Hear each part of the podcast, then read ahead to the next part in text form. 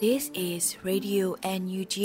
the voice of National Unity Government of Myanmar, broadcasting for Myanmar's Spring Revolution. Radio NUG is transmitting from shortwave 16 meter 17.79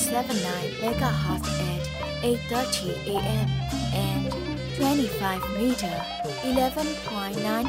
megahertz at 8:30 p.m. Myanmar Standard Time. မင်္ဂလာပါရှင်။အမျိုးသားညီညွတ်ရေးအစိုးရရဲ့အတန်လွတ်ဌာန Radio NUG ကိုမန္တပိုင်း၈နိုင်ခွဲမှာလိုင်းတူ6မီတာ19.3ခွန်ကုန်းမဂါဟတ်စ်နဲ့ညပိုင်း၈နိုင်ခွဲမှာလိုင်းတူ25မီတာ17.3ကိုလီမဂါဟတ်စ်တို့မှာဓာတ်ရိုက်ဖမ်းယူနားဆင်နိုင်ပါပြီရှင်။မင်္ဂလာအပေါင်းနဲ့ပြည့်စုံကြပါစေ။အခုချိန်ကစပြီး Radio NUG စီစဉ်လေးကိုဓာတ်ရိုက်အတန်လွှင့်ပေးနေပါပြီ။ မြန်မာနိုင်ငံလူနိုင်ငံသားအပေါင်းတဘာဝပေးဆီဟာနာရှင်မျိုးတို့ကနေကင်းဝေးပြီးကိုစိတ်နှစ်ပါးဘေးကင်းလုံခြုံကြပါစေလို့ရေဒီယိုညူချီဖွယ်သားများကဆုတောင်းမေတ္တာပို့သလိုက်ရပါတယ်။ခုချိန်ကစပြီးကာကွယ်ရေးဝန်ကြီးဌာနရဲ့စီရေးသတင်းချင်းချုပ်ကိုတော့မေဦးနေငါမှဖတ်ကြားတင်ပြပေးပါရမရှင်။အမျိုးသားညီညွတ်ရေးဆိုရာကာကွယ်ရေးဝန်ကြီးဌာနက 73ရက်ဇူလိုင်လ2022ခုနှစ်ထုတ်ဝေတဲ့စီရေးသတင်းချင်းချုပ်ကိုတင်ဆက်ပေးတော့မှာဖြစ်ပါတယ်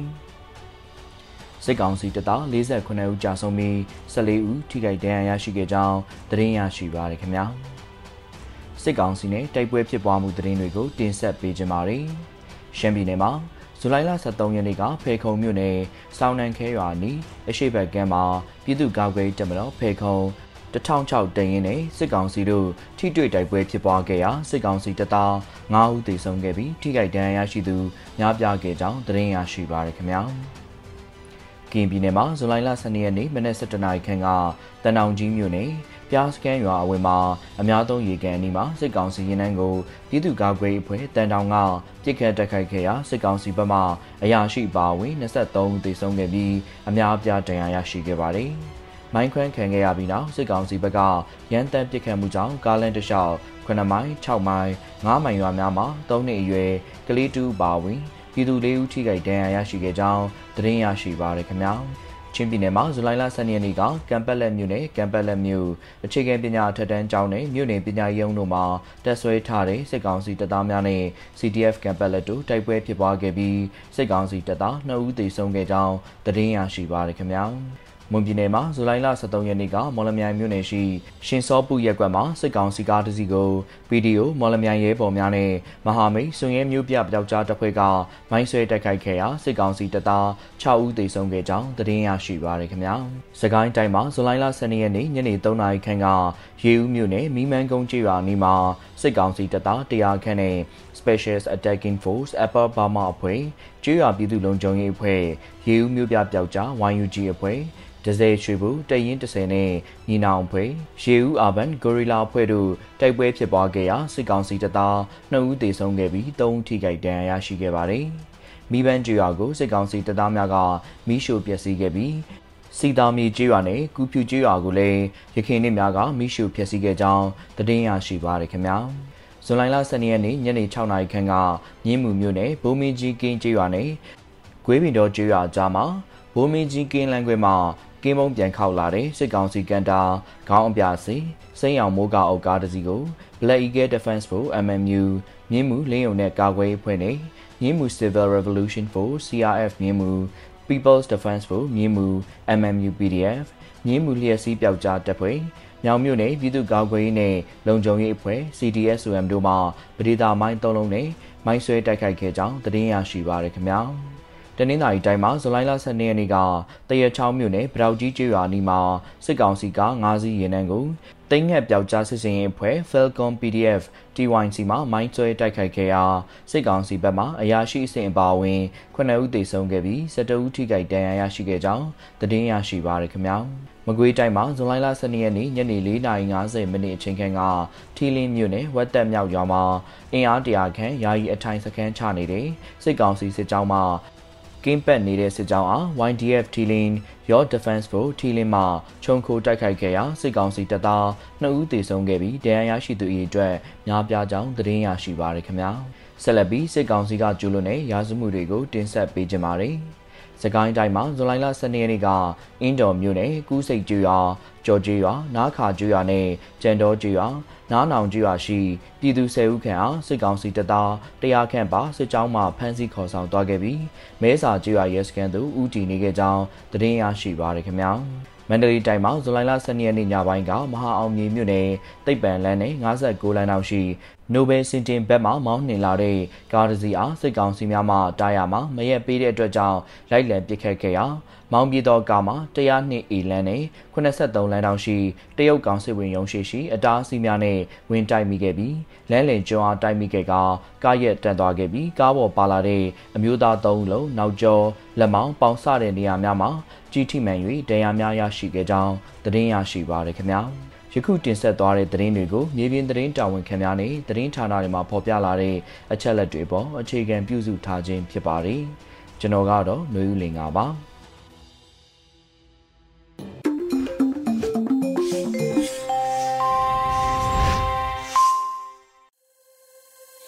ဗီဒီယိုညွှန်ကြည့်မှာဆက်လက်တမ်းလွှင့်ပေးနေပါတယ်။အခုကနောက်ဆုံးရသတင်းများကိုနှွေဦးမောင်မှဖတ်ကြားတင်ပြပေးပါရမရှင်။မင်္ဂလာပါခင်ဗျာ။ယခုချိန်ကစပြီး Radio NUG မနက်ခင်းသတင်းများကိုဖတ်ကြားတင်ပြပေးပါတော့မယ်။ယခုတင်ပြပေးမယ့်သတင်းတွေကတော့ Radio NUG သတင်းတာဝန်ခံတွေနဲ့ခိုင်လုံသောမိဖက်သတင်းရင်းမြစ်တွေမှာအခြေခံထားတာဖြစ်ပါတယ်။ကျွန်တော်ကတော့ຫນွေဦးမောင်ပါခင်ဗျာ။ ပထမဦးဆုံးသတင်းအနေနဲ့ NUG ပေးကိုတရားဝင်လွှင့်တင်ထားတဲ့ Google Play ပေါ်မှာသာ download ရယူဖို့တတိပေးထားတဲ့သတင်းကိုတင်ဆက်ပေးပါမယ်။ NUG Pay ကိုတရားဝင်လွှင့်တင်ထားတဲ့ Google Play ပေါ်မှာသာ download ရယူဖို့တတိပေးလိုက်ပါတယ်။ဇွန်လ23ရက်နေ့မှာ NUG Pay လူမှုကွန်ရက်စာမျက်နှာမှာဖော်ပြထားပါတယ်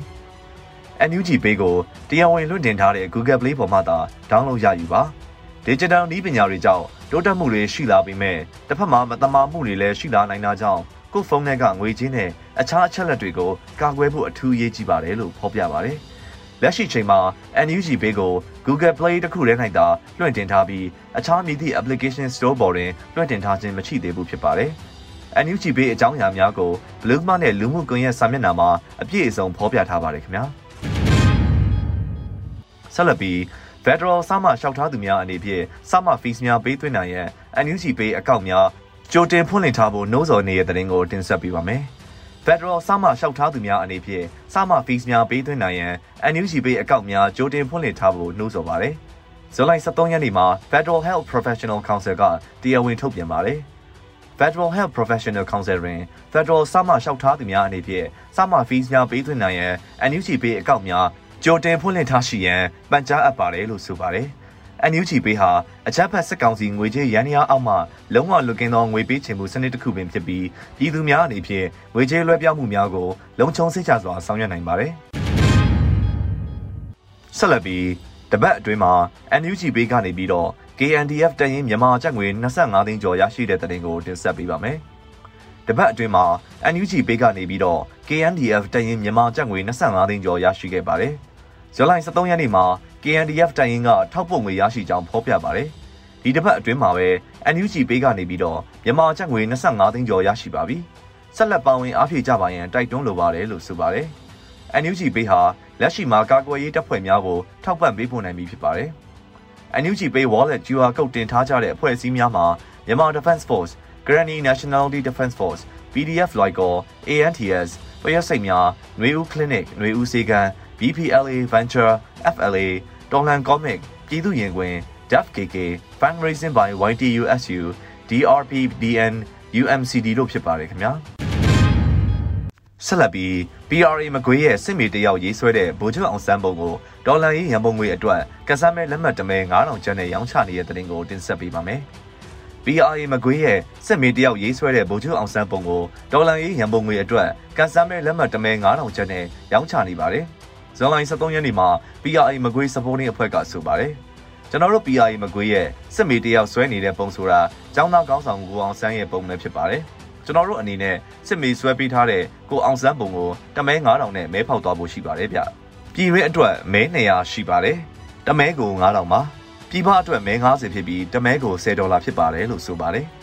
ကကမ်ပိန်းရက်ကို9ရက်သတ်မှတ်ထားကမဲဖောက်ပေးမဲ့ရက်ကတော့အာဇာနည်နေ့ဇွန်လ19ရက်နေ့ဖြစ်ပါတယ်။ မဲဝယ်လို့သောမိဘပြည်သူများအနေဖြင့် BRA မကွေး supporting page တွင် KPay, Wave Pay, NUG Pay မှတဆင့်ဝယ်ယူနိုင်ပါတယ်ခင်ဗျာ။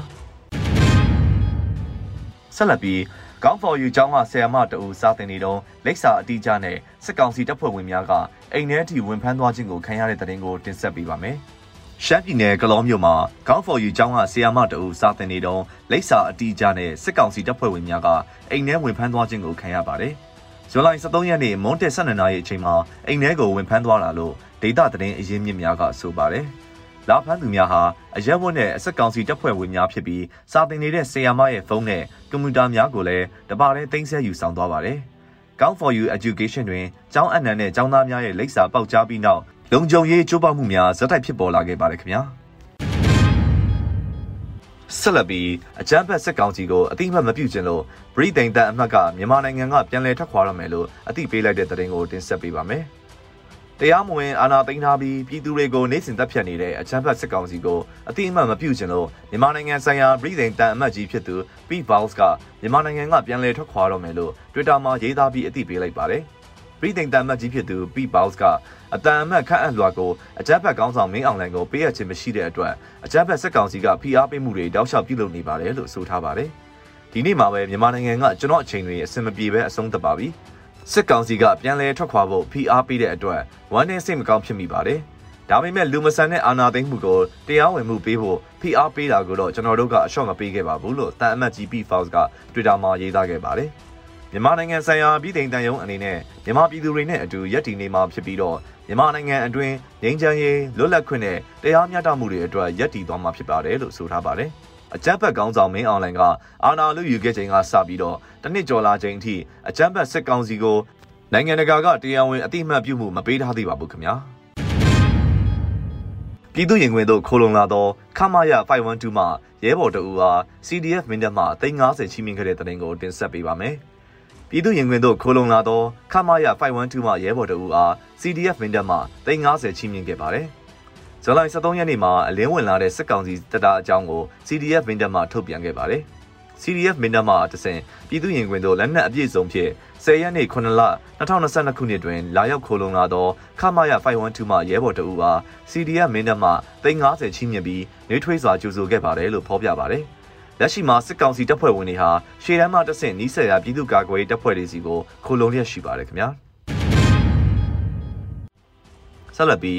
MG6 ပျောက်ကြားတက်မြင်းကြံခရိုင်အမှတ်9တပ်ရင်းမှစစ်ရေးလေးချက်မှုတင်နန်းအားပြည်သူလူထု၏ပူးပေါင်းပါဝင်အားပေးမှုဖြင့်အောင်မြင်စွာတင်နန်းဆင်းနိုင်ခဲ့တဲ့တဲ့ရင်ကိုတင်ဆက်ပေးပါမယ်။ MG6 ပျောက်ကြားတက်မြင်းချံခရိုင်အမှတ်9တပ်ရင်းမှစစ်ရေးလေးချက်မှုတင်နန်းအားပြည်သူလူထု၏ပူးပေါင်းပါဝင်အားပေးမှုဖြင့်အောင်မြင်စွာတင်နန်းဆင်းနိုင်ခဲ့ပါတယ်။ ဇူလိုင်23ရက်နေ့မှာ MG6 ပျောက်ကြားတက်ကဆိုပါတယ်။ MG စစ်ပျောက်ကြားတက်မြင်းကြံခရိုင်အမှတ်9တပ်ရင်းပြည်သူ့ကာကွယ်ရေးတပ်မတော်မှအပတ်စဉ်သုံးစစ်ရေးလေးကျင့်တင်နန်းအားပြည်သူလူထု၏ပူးပေါင်းပါဝင်အားပေးမှုဖြင့်အောင်မြင်စွာတင်နန်းဆင်နိုင်ခဲ့ပါတယ်လို့ဆိုပါတယ်။တင်နန်းဆင်ခဲ့ကြသောရဲဘော်များအားပြည်သူလူထုကကြိုးဆိုခဲ့ပြီးပူးပေါင်းပါဝင်ခဲ့ကြပါတယ်ခင်ဗျာ။ဆက်လက်ပြီးရေဦးမြို့နယ်တွင်စစ်ကောင်စီတပ်များဝင်ရောက်တောင်းကျမ်းခဲ့တဲ့ကြေးရွာများမှာမိရှုခံထားရသောရုပ်အလောင်းများတွေ့ရှိရတဲ့တဲ့တင်ကိုတင်ဆက်ပေးပါမယ်။ စကိုင်းတိုင်းရေဦးမြို့နယ်တွင်စက်ကောင်စီတပ်များဝင်ရောက်တောင်းကျမ်းခဲ့တဲ့ဂျေးရွာများမှာမိရှုခံထားရသောရုပ်အလောင်းများတွေ့ရှိပါတယ်။ဇူလိုင်23ရက်နေ့မှာရုပ်အလောင်းများတွေ့ရှိကြောင်းရေဦးပြည်သူ့ကာကွယ်ရေးအဖွဲ့ကပြောပါတယ်။ဇူလိုင်10ရက်နေ့ကစပြီးစစ်ကောင်စီတပ်များဝင်ရောက်တဲ့စီတာမြေရွာလိန်တော်ရွာနဲ့အနီးတို့မှာအမည်မဖော်နိုင်သေးသောမီးရှို့ပုံဖြတ်ထားအလောင်း၃လောင်းတွေ့ရှိထားပါတယ်လို့ဆိုပါတယ်။စစ်ကောင်စီတပ်များဟာရေဦးမြို့နယ်ရှိကျေးရွာများကိုအင်အားအလွန်ကျွံတဲ့စစ်ကြောင်းထိုးဝင်ရောက်ကပြည်သူနေအိမ်များကိုမီးရှို့ဖျက်ဆီးခဲ့ပါတယ်ခင်ဗျာ။ ယခုတင်ဆက်ပေးခဲ့တာကတော့ Radio NUG မနက်ခင်းပြည်တွင်သတင်းများပဲဖြစ်ပါတယ်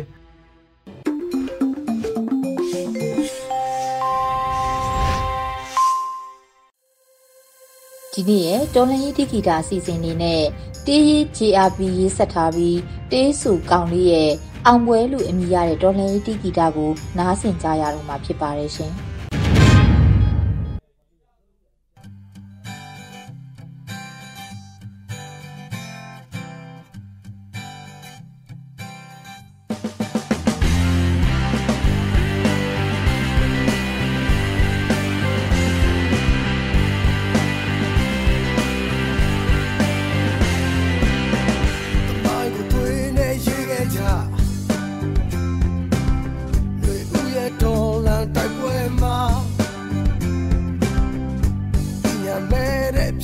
ဝ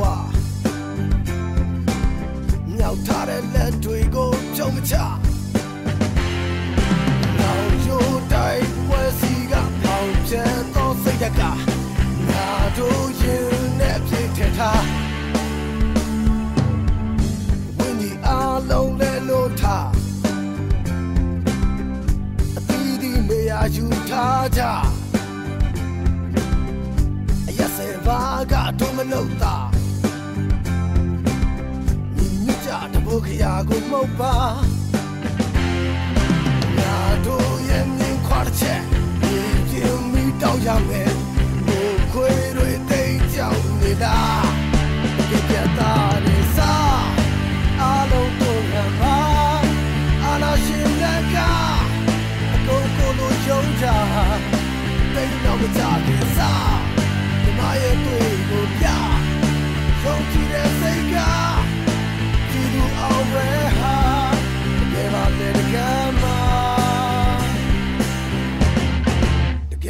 ယ်ပါလေတကယ်မှာ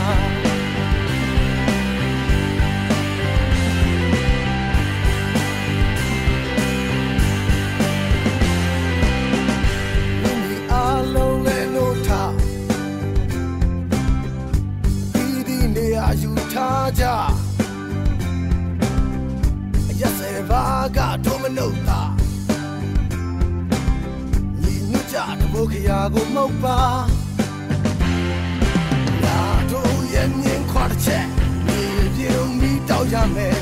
ဘိုးခွေတွေတိတ်ကြောင်နေတာတကယ်တာရစားအလုံးတို့ရပါအနာရှင်လက်ကအကုန်ကိုလိုယုံကြတိတ်တော့မကြခင်စားမြမရဲ့တွေ့ကိုပြယုံကြည်တဲ့စိတ်ကဒီလူအဝဲဟာတကယ်ပါတဲ့ကမ်းမှာတကယ်ပါတဲ့ကမ်းမှာနောင်ယူတိုင်းပွဲစီက ဖောင်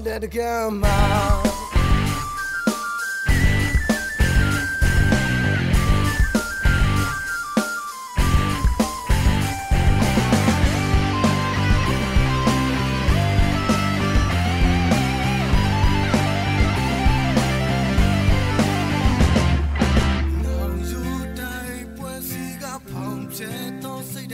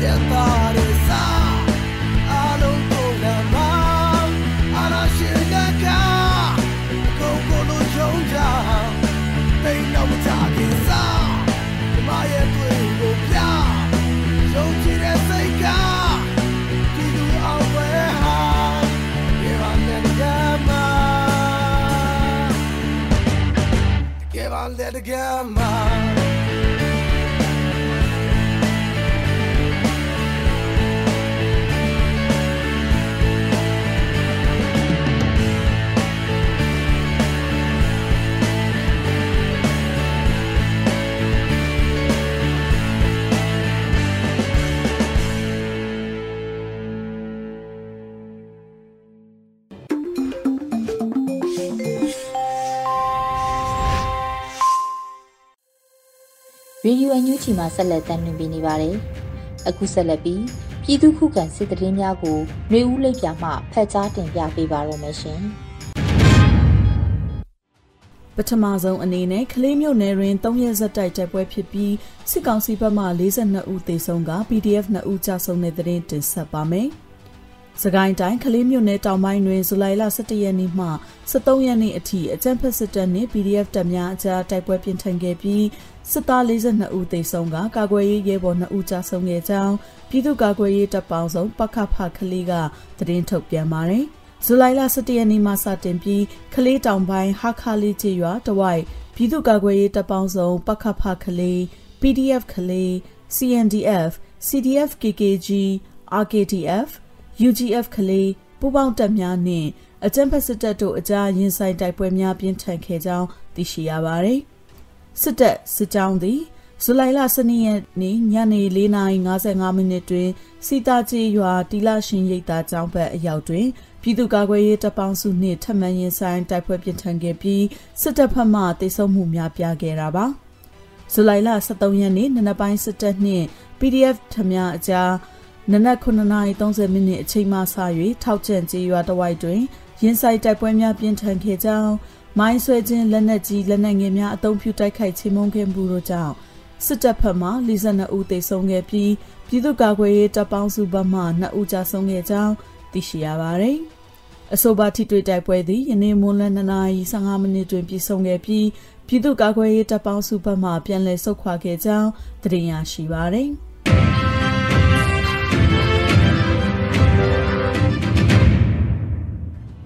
တန်တောင်ကြီးမြို့နယ်ပြားစခန်းရွာအနီးတွင်စစ်ကောင်စီရင်နှမိုင်းခွဲပစ်ခတ်ခဲ့ရပြီးအရာရှိများအပါအဝင်23ဦးသေဆုံးတဲ့သတင်းဆက်လက်တင်ဆက်ပါမယ်။ကရင်ပြည်နယ်တန်တောင်ကြီးမြို့နယ်ပြားစခန်းရွာအဝင်းအများသုံးရေကန်ကြီးအနီးတွင်အကြမ်းဖက်စစ်ကောင်စီရင်နှံကို PDF တန်တောင်က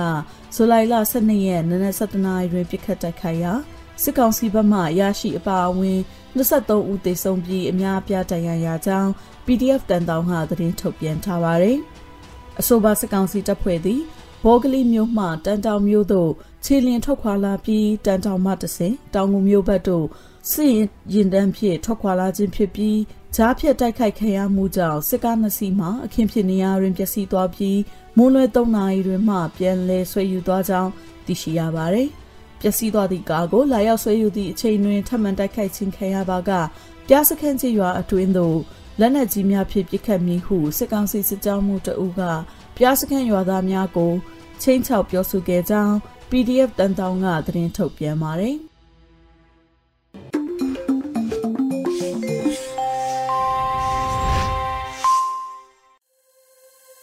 ရေဒီယိုအန်ယူဂျီမှာဆက်လက်တင်ပြနေပါတယ်။ အခုနောက်ဆုံးနားဆင်ကြရမှာကတော့ PPTV ရဲ့နေ့စဉ်သတင်းများကိုထက်ထက်အင်ဒရာအောင်မှဖတ်ကြားတင်ပြပေးပါတော့မယ်ရှင်။ပြည်သူ့ရဲတပ်ဖွဲ့ဝင်တွေအတွက်ရေးချင်းစီစီရေးကော်မတီဖွဲ့စည်းနိုင်ရေးအတွက်ပြည်အောင်စုဝင်ကြီးဦးလွင်ကိုလက်ကမနေ့ကပြုလုပ်တဲ့အစိုးရအဖွဲ့အစည်းအဝေးမှာတင်ပြဆွေးနွေးခဲ့တယ်လို့ပြည်ထောင်နဲ့ဒွေမှုကြီးကြပ်ရေးဝန်ကြီးဌာနကသတင်းထုတ်ပြန်ထားပါတယ်။ အစည်းအဝေးမှာ ပြည်ထောင်စုဝန်ကြီး ဦးလွင်ကိုလက်က အဆိုပါကော်မတီအနေနဲ့ တော်လှန်ရေးကာလအတွင်း ပြည်သူ့ရဲတပ်ဖွဲ့ကို ဝင်ရောက်အမှုထမ်းလို့တဲ့ ရဲတပ်ဖွဲ့ဝင်တွေ စုဆောင်ပြီးတော့ လူထုဘဝလုံခြုံရေးနဲ့ တရားဥပဒေစိုးမိုးရေး ဖော်ဆောင်နိုင်ရန် ရဲတပ်ဖွဲ့ဝင်အသစ်များ တာဝန်ပေးအပ်နိုင်မှုက အစပြုပြီးတော့ တော်လှန်ရေးကို အရှိန်မြင့်တင်ဆောင်ရွက်လျက် ပြည်သူလူထုလူလားတောင်းတနေတဲ့ Federal Democracy စနစ် တည်ဆောက်ရေးအတွက် အထောက်အပံ့ပြုရန် ရည်ရွယ်ထားတာ တော်လိုင်းကာလဖြစ်တဲ့အလျောက် အကြံဖတ်စစ်ကောင်စီရဲ့ အန်ဒီရန်ဆွဲက ကာကွယ်ပေးပြီးတော့ ပြည်သူလူထုရဲ့ လူမှုဘဝ လုံခြုံမှုပေးနိုင်ဖို့နဲ့ တရားဥပဒေစိုးမိုးရေးကို အာသွန်ခွန်ဆိုင်ဆောင်ရွက်နိုင်ရေးအတွက် လိုအပ်နေတယ်ဆိုပြီးတော့ ပြောကြားခဲ့ပါတယ်။ ဒါအပြင် ပြည်သူရဲတပ်ဖွဲ့ကို ဝင်ရောက်အမှုထမ်းလိုတဲ့ ရဲတပ်ဖွဲ့ဝင်အသစ်တွေကို ခန့်အပ်နိုင်ရေးအတွက် အရေးချင်း စစ်ဆေးရေးကော်မတီကို ဖွဲ့စည်းဆောင်ရွက်ရတာဖြစ်တယ်ဆိုတာနဲ့ ပြည်သူရဲတပ်ဖွဲ့ ဥပဒေ အခန်းလေးပုံမှန်9ကကြီးအရ အရေးချင်း စစ်ဆေးရေးကော်မတီကို ဖွဲ့စည်းရန် ပြင်ဆင်ဆောင်ရွက်ရတာ ဖြစ်တယ်ဆိုပြီးတော့ပြည်အောင်စုဝန်ကြီးက ဆွေးနွေးခဲ့တာပါ ကော်မတီဖွဲ့စည်းပြီးတာနဲ့ အမျိုးသားညီညွတ်ရေးအစိုးရရဲ့ အထူးအုပ်ချုပ်ရေးဒေသတွေမှာ မြို့နယ်ရဲတပ်ဖွဲ့တွေ ဖွဲ့စည်းဆောင်ရွက်ပြီးတော့လူထုဘဝလုံခြုံရေးနဲ့ တရားဥပဒေစိုးမိုးရေးလုပ်ငန်းတွေ အကြမ်းဖက်စစ်ကောင်စီရဲ့ ဖက်စစ်အကြမ်းဖက်လုပ်ရက်တွေကို တရားဥပဒေနဲ့အညီ အရေးယူပြစ်ဒဏ်ချမှတ်သွားနိုင်ရေး ကိစ္စရပ်တွေကို အာသွန်ခွန်ဆိုင်ကြိုးပမ်းဆောင်ရွက်သွားမှာဖြစ်တယ်လို့ ဆိုထားပါတယ်။ပြည်အောင်စုဝင်ကြီး ဦးလွင်ကိုလည်းရဲ့ တင်ပြဆွေးနွေးချက်တွေကို အစိုးရအဖွဲ့ဝင်တွေက ဝိုင်းဝန်းဆွေးနွေး အကြံပြုခဲ့ကြပြီးတော့အဲ့ဒီအကြံပြုချက်တွေကို ထည့်သွင်းပြီး မကြခင်အချိန်မှာ အရေးချင်းစစ်ဆေးရေးကော်မတီကို ဖွဲ့စည်းသွားမှာဖြစ်တယ်ဆိုပြီးတော့လည်း ထုတ်ပြန်ချက်မှာ ဖော်ပြထားတာကို တွေ့ရပါတယ်။ ဆလတ်တင်ဆက်ပေးမှာကတော့ အကြမ်းဖက်လုပ်ရက်ကို နိုင်ငံရေးစနစ်တရက်အဖြစ် ပြဋ္ဌာန်းကျင့်သုံးနေတဲ့ စစ်ကောင်စီကို ပြည်သူတွေ ညီညွတ်စွာ တုံ့ပြန်ကြဖို့ KNU ကြောက်ကြီးမြို့နယ်က တိုက်တွန်းလိုက်တဲ့ဆိုတဲ့သတင်းကို တင်ဆက်ပေးပါမယ်။နိုင်ငံအဆင့် အကြမ်းဖက်လုပ်ရအောင်နိုင်ငံရဲ့စနစ်တရက်အဖြစ် ပြဋ္ဌာန်းကျင့်သုံးနေတဲ့ စစ်ကောင်စီအား မိမိတို့က လက်နက်ကင်ခုခံနေတဲ့ဤတူ တိုင်းသူပြည်သားတွေကလည်း အချင်းချင်း ရိုင်းပင်လက်တွဲကြလျက်စီလုံးညီညွတ်စွာနဲ့ရက်တီတုံ့ပြန်ကြဖို့ တိုက်တွန်းကြောင်း ကရင်အမျိုးသားစီယုံ KNU ကြောက်ကြီးမြို့နယ်က တိုက်တွန်းလိုက်ပါတယ်။ တိုင်းပြည်အာဏာအား တရားမဝင် သိမ်းယူခဲ့တဲ့ စစ်ကောင်စီဟာ ပြည်သူလူထု ရွေးကောက်တင်မြှောက်တဲ့ လူထုအစိုးရအား ထောင်တွင်းအကျဉ်းချခြင်း မတရားအရေးယူ အပြစ်ပေးခြင်း ကြီးလေးတဲ့ ပြစ်ဒဏ်ချမှတ်မှုများ ပြုလုပ်ခဲ့ပြီးတော့ အခုတိုင် ဆက်လက်ပြုလုပ်နေဆဲ ဖြစ်တယ်လို့ KNU ကြောက်ကြီးမြို့နယ်ရဲ့ ထုတ်ပြန်ချက်မှာ ပါရှိပါတယ် စစ်ကောင်စီဟာ သူတို့ရဲ့ မတရားအာဏာသိမ်းယူမှုအားစန့်ကျင်ဆန္ဒပြတဲ့ ပြည်သူလူထု ညီငယ်ညီမငယ် ရဟန်းတန်ဃာတော်တွေရဲ့ဥကောင်းကိုပြစ်မှတ်ထားတပ်ဖြတ်ခြင်း အကြမ်းဖက်နှိပ်ကွပ်ခြင်း ဆွေမျိုးမိသားစုများအား လိုက်လံဖမ်းဆီးခြင်း အနှောက်အယှက်ပေးခြင်း ပိုင်ဆိုင်တဲ့ပစ္စည်းများအား ခိုးယူခြင်း ချိတ်ပိတ်သိမ်းဆည်းခြင်းများကို တိုးမြင့်ပြုလုပ်လျက်ရှိတယ်လို့ ဖော်ပြထားပါတယ်။ဘေးလွတ်ရာဒေသများစီကို ရှောင်တိန်နေကြရတဲ့ ရွေးကောက်ခံကိုယ်စားလှယ်များ စန့်ကျင်သူများအားတင်းလိုက်လံ ဖမ်းဆီးတဲ့ လုပ်ရက်တွေကြောင့် မခံမရနိုင်တော့ဘဲ မိမိဒေသအား ကာကွယ်သူများနဲ့ ထိတ်တိုက်တိုးတဲ့ တိုက်ပွဲတွေ ပေါ်ပေါက်လာခြင်းကို တုံ့ပြန်တဲ့အနေနဲ့ စစ်ကောင်စီဟာအယက်သားပြည်သူတွေရဲ့ကြီးရွာနေအိမ်တွေပေါ်ကို လက်နက်ကြီးတွေနဲ့ ရည်ရွယ်ချက်ရှိရှိပြစ်မှတ်ထား တိုက်ခိုက်တာ လေယာဉ်တွေနဲ့ပုံကျဲတိုက်ခိုက်တာတွေကို ပြုလုပ်လျက်ရှိပြီးတော့တိုင်းပြည်ရဲ့ တန်တန်တရားနေပြည်အဝန်အားလုံးကို ရက်စက်မှုတပ်ဖြတ်မှု ညှဉ်းပန်းနှိပ်စက်မှုတို့နဲ့ နိုင်ငံအဆင့် အကြမ်းဖက် policy ကို ချမှတ်ကာလှုပ်ဆောင်နေတယ်လို့ KNU ကြောက်ကြီးမြို့နယ်က ထုတ်ပြန်ခဲ့ပါတယ်။ ဒီလိုလုပ်ရက်တွေကြောင့်ရဲရွာအိုးအိမ်တွေပြစ်ခွာထွက်ပြေးတိမ်းရှောင်ရခြင်း ကလေးငယ်များစတင်ယူနိုင်မှု အခွင့်အရေးပြက်ကွက်နေရခြင်းအတမွေးဝမ်းကြောင်း လုပ်ငန်းများ ပျက်စီးခြင်းအရမခိုင်းစေခြင်း ငွေကောက်ယူခြင်း ပုဂ္ဂလိကပိုင်းပစ္စည်းများအား သိမ်းယူခြင်းနဲ့ လူအခွင့်အရေးများ ဆုံးရှုံးခြင်းတို့ ဖြစ်ပွားလျက်ရှိကြောင်း ဖော်ပြထားပါတယ်။ KNU ကြောက်ကြီးမြို့နယ်အနေနဲ့ KNU ဘိုဟိုက ချမှတ်ထားတဲ့ ကရင်အမျိုးသားတို့ ပေးအပ်တဲ့ တာဝန်နဲ့အညီ ပြည်သူပြည်သားများအလုံးအတွက် လုံခြုံတဲ့ ကြားခံနယ်မြေများ တည်ဆောက်ရေး လေရင်မပြန်တန်ရနယ်မြေများ ပေါ်ထွက်လာရေးတို့အတွက် အပြည်ပြည်ဆိုင်ရာနဲ့တော်၎င်း ခုခံတော်လှန်သူတွေနဲ့ ပူးတွဲရေးတော်၎င်း စစ်ကောင်စီနဲ့ကြား အရေးပေါ် လူသားချင်းစာနာမှုဆိုင်ရာ ဆွေးနွေးညှိနှိုင်းမှုတွေ ပြုလုပ်ခြင်းနဲ့ ပြည်သူတွေ လုံခြုံမှုရှိစေဖို့ ကြိုးပမ်းလှုံ့ဆော်သွားမယ်လို့ အသိပေး ထုတ်ပြန်ခဲ့ပါတယ်။ အခုတင်ဆက်ပေးမှာကတော့ စစ်မြေပြင်ထဲရောက်ရှိနေတဲ့ စာတင်ကျောင်းတွေကကျောင်းသုံးစာအုပ်တွေကို ပြည်သူ့ကာကွယ်ရေးတပ်တွေကတင်စီပြီးတော့ ပြန်လည်ဖြန့်ဝေပေးခဲ့တဲ့ဆိုတဲ့သတင်းကို တင်ဆက်ပေးပါမယ်။ကယားပြည်နယ် ဒီမော့ဆိုမြို့နယ်အတွင်းက စစ်မြေပြင်ထဲရောက်ရှိနေတဲ့ အထက်တန်းစာတင်ကျောင်းတွေကကျောင်းသုံးဖတ်စာအုပ်တွေကို ပြည်သူ့ကာကွယ်ရေးတပ် PDF တွေကတင်စီပြီးတော့ ပြန်လည်ဖြန့်ဝေပေးခဲ့တယ်လို့ ပြည်သူ့ကာကွယ်ရေးတပ် ဒီမော့ဆို DMO LPDF က သတင်းထုတ်ပြန်လိုက်ပါတယ်။ ထုတ်ပြန်ချက်ထဲမှာចောင်းသုံးစာအုပ်တွေနဲ့ ဗလာစာအုပ် အများအပြားကို ပြည်သူ့ကာကွယ်ရေးတပ် ဒီမော့ဆိုနဲ့ ဒီမော့ဆိုចောင်းသားတမကာတို့ ပူးပေါင်းပြီးတော့တွားရောက်ယူဆောင်ခဲ့ကြတာ ဖြစ်တယ်လို့ ဖော်ပြထားပါတယ်။တင်းစည်းယူဆောင်လာတဲ့ စာအုပ်တွေကိုလက်တလုံးမှာ ကျောင်းဆက်နဲ့ကျောင်းကို ဖြန့်ဝေပေးခဲ့ပြီးတော့ကြန့်ရှိတဲ့ စာအုပ်အများပြားကို ကျောင်းသားတမကထံအနှံ့ထားကလိုအပ်တဲ့ကျောင်းတွေကို ဆက်လက်ပြီးတော့ဖြန့်ဝေသွားမှာ ဖြစ်တယ်လို့ ဖော်ပြထားပါတယ်။ ပြည်သူ့ကာကွယ်ရေးတပ် ဒီမော့ဆိုရဲ့ ထုတ်ပြန်ချက်မှာတော့ ကယားပြည်နယ်အတွင်းမှာ အကြမ်းဖက်စစ်ကောင်စီက မြို့ပေါ်ကျောင်း ၁၀ ကျောင်းကိုသာ ဖွင့်လှစ်ထားနိုင်ခဲ့ပြီးတော့ဒီမော့ဆိုမြို့နယ်မှာတော့ ကျောင်းဖွင့်လှစ်နိုင်ခြင်း မရှိသေးဘူးလို့ ဖော်ပြထားပါတယ်။ဒီမော့ဆိုမြို့နယ်အတွင်း အမျိုးသားညီညွတ်ရေးအစိုးရ ပညာရေးဝန်ကြီးဌာနရဲ့ လမ်းညွှန်မှုအောက်မှာ ကျောင်းပေါင်း300ကျော်အထိ ဖွင့်လှစ်ထားနိုင်ခဲ့ပြီးတော့အထက်တန်းကျောင်း20ကျော် စေတနာဝန်ထမ်း ဆရာ2000ကျော်နဲ့ ကျောင်းသား4000ကျော်ကိုတင် जा ပေးနေတာလည်း ဖြစ်ပါတယ်။ ဆက်လက်တင်ဆက်ပေးမှာကတော့ရီစကြုံမြို့နယ်မှာ PDF ရဲဘော်တအူအသေးခံမိုင်းခွဲမှုပြုလုပ်ခဲ့ရအကြမ်းဖက်စစ်တပ်ကတိစုံမှုများပြားခဲ့တဲ့ဆိုတဲ့သတင်းမှာမကွေးတိုင်းရေစကြုံမြို့နယ်မှာအကြမ်းဖက်စစ်တပ်ရဲ့ဖမ်းဆီးခြင်းခံလိုက်ရတဲ့ပြည်သူ့ကာကွယ်ရေးတပ် PDF ရဲဘော်ကအသေးခံမိုင်းခွဲမှုပြုလုပ်ခဲ့ရမှာအကြမ်းဖက်စစ်တပ်ဘက်ကတိစုံမှုများပြားခဲ့တယ်လို့ရေစကြုံ Revolution Group YRG ကသတင်းထုတ်ပြန်လိုက်ပါတယ်။ ထုတ်ပြန်ချက်ထဲမှာတော့ ဇူလိုင်လ10ရက်နေ့က ရေစကြိုမြို့နယ်နဲ့ မြိုင်မြို့နယ်ကြားမှာ စစ်ကြောင်းထိုးပြန်လာတဲ့ အကြမ်းဖက် စစ်ကောင်စီတပ်ကတဲတော်ကြီးရွာဖုန်ကြီးကျောင်းမှာ ယာယီတက်ဆွဲထားစဉ် ရေစကြို Revolution Group YRG နဲ့ မဟာမိတ်ဖွဲ့ထားတဲ့ရဲရွာကာကွယ်ရေးတပ်ဖွဲ့က ရဲဘော်တအုပ်ကတက်ဆွဲထားတာကို မသိဘဲနဲ့ဖုန်ကြီးကျောင်းရှိကဖျက်သွားမိရာအကြမ်းဖက်စစ်တပ်ရဲ့တပ်နှက်နဲ့ ပစ်ခတ်ခြင်းကို ခံခဲ့ရပါတယ်။ပြစ်ခတ်ခြင်းခံရလို့ လဲကျသွားတဲ့ ရဲဘော်ဖြစ်သူဟာ လက်ပစ်မိုင်းသုံးလုံးနဲ့အတိခံ မိုင်းခွဲလိုက်တဲ့အတွက် အကြမ်းဖက်စစ်တပ်ဘက်က အများအပြားတေဆုံးခဲ့တယ်လို့ ထုတ်ပြန်ချက်မှာ ဖော်ပြထားပါတယ်။အကြမ်းဖက်စစ်တပ်ဘက်ကတေဆုံးတဲ့အလောင်းတွေကို မနက်ပိုင်းမှာတေဆောင်မှု ပြုလုပ်ခဲ့ရသလိုဘုံထိမှန်ပြီးတော့တန်ရရတဲ့ အကြမ်းဖက်စစ်သားတချို့လည်းစေယုံမှာတည်တဲ့တည်င်းကိုဖျက်သီးတွေကနေတဆင့် အတီးပြုလို့ရထားတယ်ဆိုပြီးတော့ YRG က ထုတ်ပြန်ထားပါတယ်။ကြာဆုံးသွားတဲ့ရဲရွာကာကွယ်ရေးအဖွဲ့ PDF ရဲဘော်ရဲ့ မိသားစုဝင်တွေ လုံခြုံရေးကြောင့် ရဲဘော်ရဲ့ ဓာတ်ပုံကို ထုတ်ပြန်မှာ မဟုတ်ဘူးလို့ ဆိုထားပြီးတော့ ကြာဆုံးရဲဘော်ကိုအလေးညီပြုပြီးဂုဏ်ပြုတယ်လို့ YRG ကပြောပါတယ်ဒီကနေ့ကတော့ဒီညနေပဲ Radio NUG ရဲ့အစီအစဉ်လေးကိုခေတ္တရ延လိုက်ပါမယ်ရှင်မြန်မာစံတော်ချိန်မနေ့၈နိုင်ခွဲနဲ့ည၈နိုင်ခွဲအချိန်တွေမှာပြောင်းလဲဆိုပြကြပါလို့ရှင် Radio NUG ကိုမနက်ပိုင်း၈နိုင်ခွဲမှာလိုင်းတူ16မီတာ19.7မဂါဟတ်နဲ့ညပိုင်း၈နိုင်ခွဲမှာ လိုင်းတူ25မီတာ17.6မဂါဟတ်တို့မှာဓာတ်ရိုက်ဖမ်းယူနာဆင်နိုင်ပါပြီရှင်မြန်မာနိုင်ငံသူနိုင်ငံသားများကိုစိတ်နှဖျားစမ်းမချမ်းသာလို့ဘေးကင်းလုံခြုံကြပါစေလို့ Radio NUG ရဲ့ဖွဲ့သူဖွဲ့သားများကဆုတောင်းလိုက်ရပါတယ်။ San Francisco Bay Area အခြေစိုက်မြန်မာမိသားစုများနိုင်ငံတကာကစေတနာရှင်များလုံအားပေးများရဲ့ Radio NUG ဖြစ်ပါတယ်ရှင်။ အရေးတော်ပုံအောင်ရမည်